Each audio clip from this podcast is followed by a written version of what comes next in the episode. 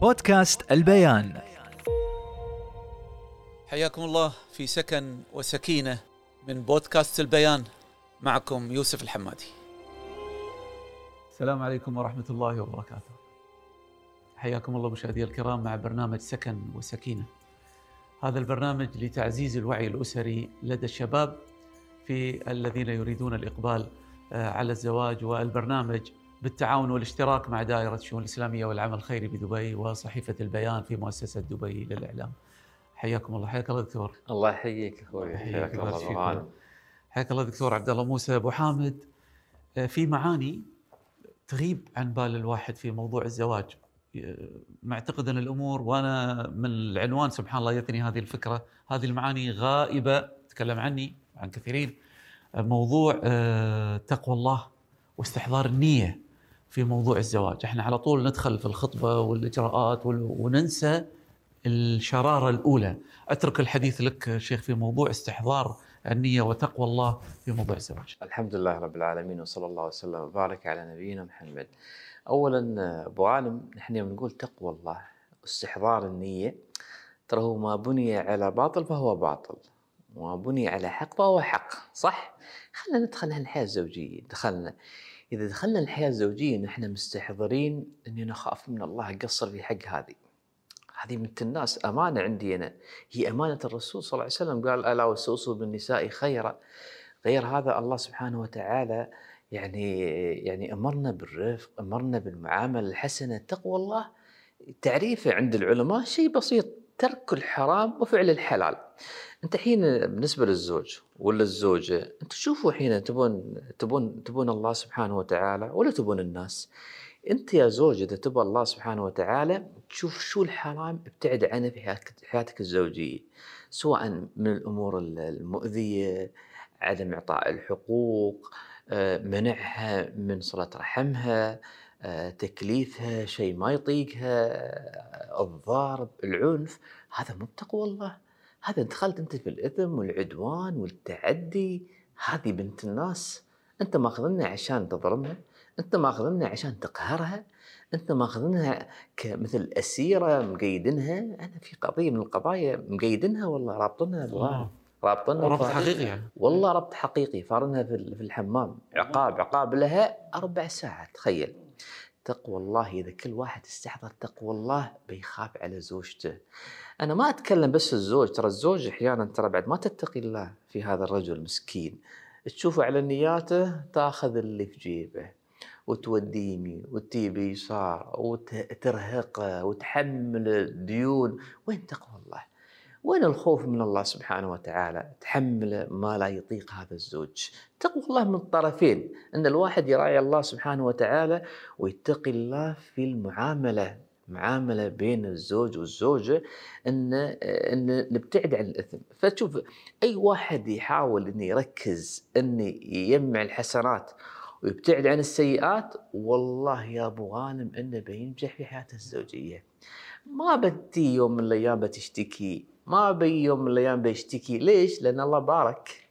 لأن الله يحب التقي، يحب النقي، يحب التقي، يحب النقيه. ليتخذ أحدكم قلبا شاكرا ولسانا ذاكرا وزوجة مؤمنة تعين أحدكم على امور الآخرة شوف هو صح إن في الحياة الزوجيه ما تمشي كلها عسل لازم في منغصات لكن في تقوى الله موجود الخوف من الله موجود يوم بتي بتنصح زوجها ليش تطالعها؟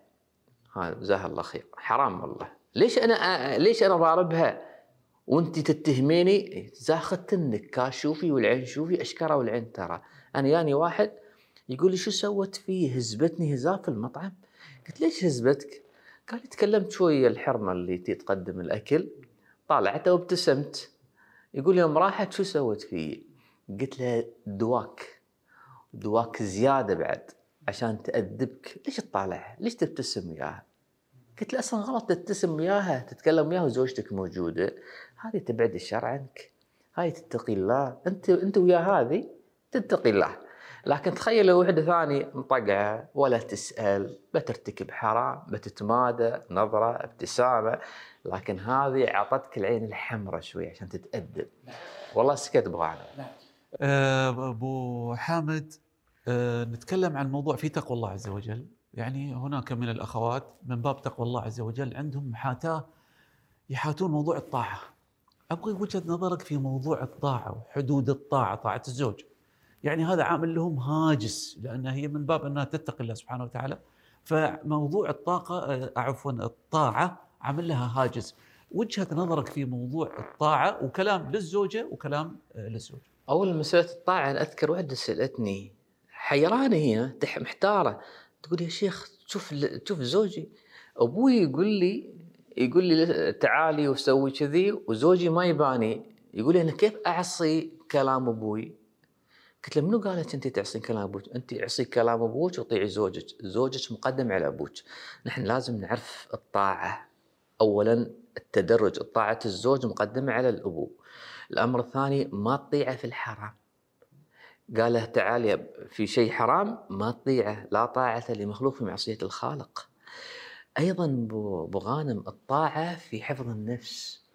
مو بطيع زوجي أنا أتحمل يعني يعني ممكن أتأذى أنا في الشهر التاسع أعمل شيء يعني يعني مؤذي أنا أطيع زوجي فيه أنت تقيس هذه الأشياء كل واحد يقيس.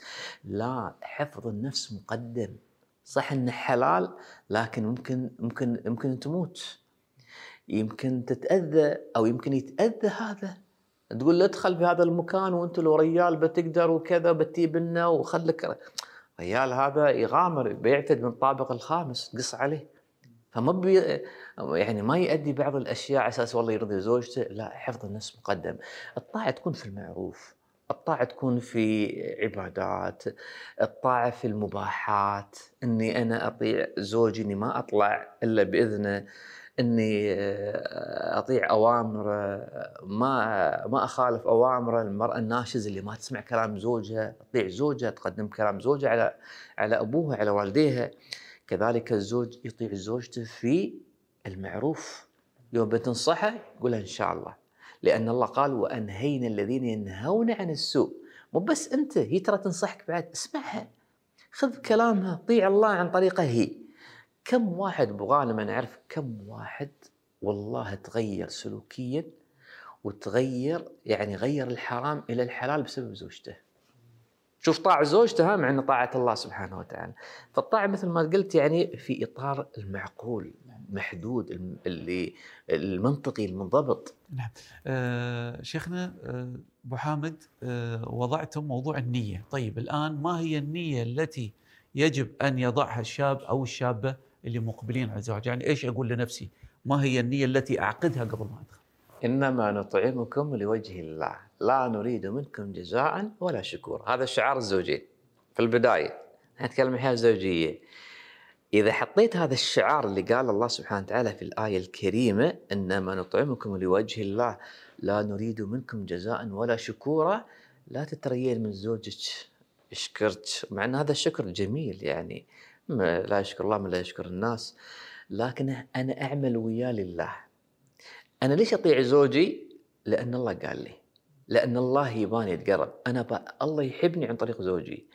طيب أنا ليش أعمل؟ ليش نيتي لله؟ ليش أنفق عليها؟ ليش أرحمها؟ ليش أدخل السرور على قلبها؟ أشرف عليها؟ لأن الله يباني إن الله يحب المحسنين. إذا حطينا نيتنا لله هذه البركة بتنسحب.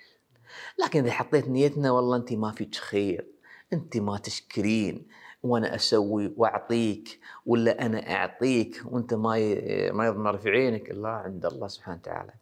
اللي يطلع اللي يروح عند الله ما ينزل ترى يكون عند الله محفوظ حتى الحسن البصري قال من استطاع منكم أن يجعل كنزه في السماء فليفعل حيث لا يناله اللصوص ولا يأكله السوس. النفقة تنفقها أنت الله أمرك تروح عند الله قبل تروح عند زوجتك. أنت تساعدينه عند الله قبل لا يكون عند زوجك. يعني نحن نطالع الله سبحانه وتعالى في معاملتنا. هاي يسمونها مهارة، مهارة الح... ال- ال- مهارة النيه الحسنه الجميله هذه، هذه من أعظم المهارات في الحياة الزوجية، إذا كلنا نجيد هذه المهارة بس تشوف البيوت مستانسة، البيوت فيها سعادة، لكن الشيطان يخرب. آه، أبو حامد موضوع الرضا رضا الزوج. أيضا هذا ممكن يعمل للزوجة هاجس انها دائما تبغي زوجها راضي. وهو ممكن دائما بعد ما أقول يهددها يعني نقول لها إذا اتق الله وخلي زوجك راضي أنا مو براضي. موضوع الرضا أيضا هذا عامل هاجس عند الزوجة وهاجس بعد عند الزوج. رضا الناس غايه لا تدرك ها وفي بيت يقول آه، إن ود القلوب نادر وإن العثور على ود أندر من الماس في دنيا الناس. يعني ترى هو نحن نطلب الرضا، أول شيء نطلب رضا الله سبحانه وتعالى قبل رضا البشر. لكن حطي شيء في بالك. أنا أقول حق الزوج اللي تسمعني والله انت مينونه والله أنك مجنونة. إذا تعتقدين إن زوجك بيرضى عنك 100% وأنا أقول لك مينون وأنت مجنون. إذا تعتقد إن الزوجة بترضى عنك 100% الله قال وإن امرأة خافت من بعلها نشوزا أو إعراضا فلا جناح عليهما أن يصلح بينهما والصلح خير. وأحضرت الأنفس الشح. شو يعني؟ يعني مستحيل أعطيك كل الحقوق. لازم في نقص. لكن في ناس الله أعطنهم الرضا تعرف شو الرضا أبو غانم؟ الرضا أعلى عن الصبر. الصبر مرتبة غصبا عليك تصبر لله وتيود الغضب وغيره الرضا تتلذذ. الحمد لله. الحمد لله. الله سبحانه وتعالى قدر هالشيء والله بيجزيني كل خير. إذا وصلنا هاي المرحلة جميله لكن نحن ما نطلب الكمال من الطرف الأول أو الطرف الثاني. لازم في تقصير لازم في نقص علينا إن نعبد الله بالرضا بعبادة الرضا. إن نعبد الله بهذه العبادة ونعرف إن اللي أمامنا ناقص وعرف اللي أمامي ناقصة. فيها خلل فيها عيب. فيها وفيها ما فيها كامل غانم يبارك فيك مشكور أبو حامد على هذه الحلقة ولنا حلقات أخرى إن شاء الله. إن شاء الله. آه، شكرا لكم آه، مشاهدي الكرام كنا مع برنامج سكن وسكينة اليوم آه، تحدثنا عن موضوع التقوى الله ووضع النية الحسنة قبل الانطلاق إلى الزواج نتواصل معكم إن شاء الله في حلقات قادمة إلى الملتقى. بودكاست البيان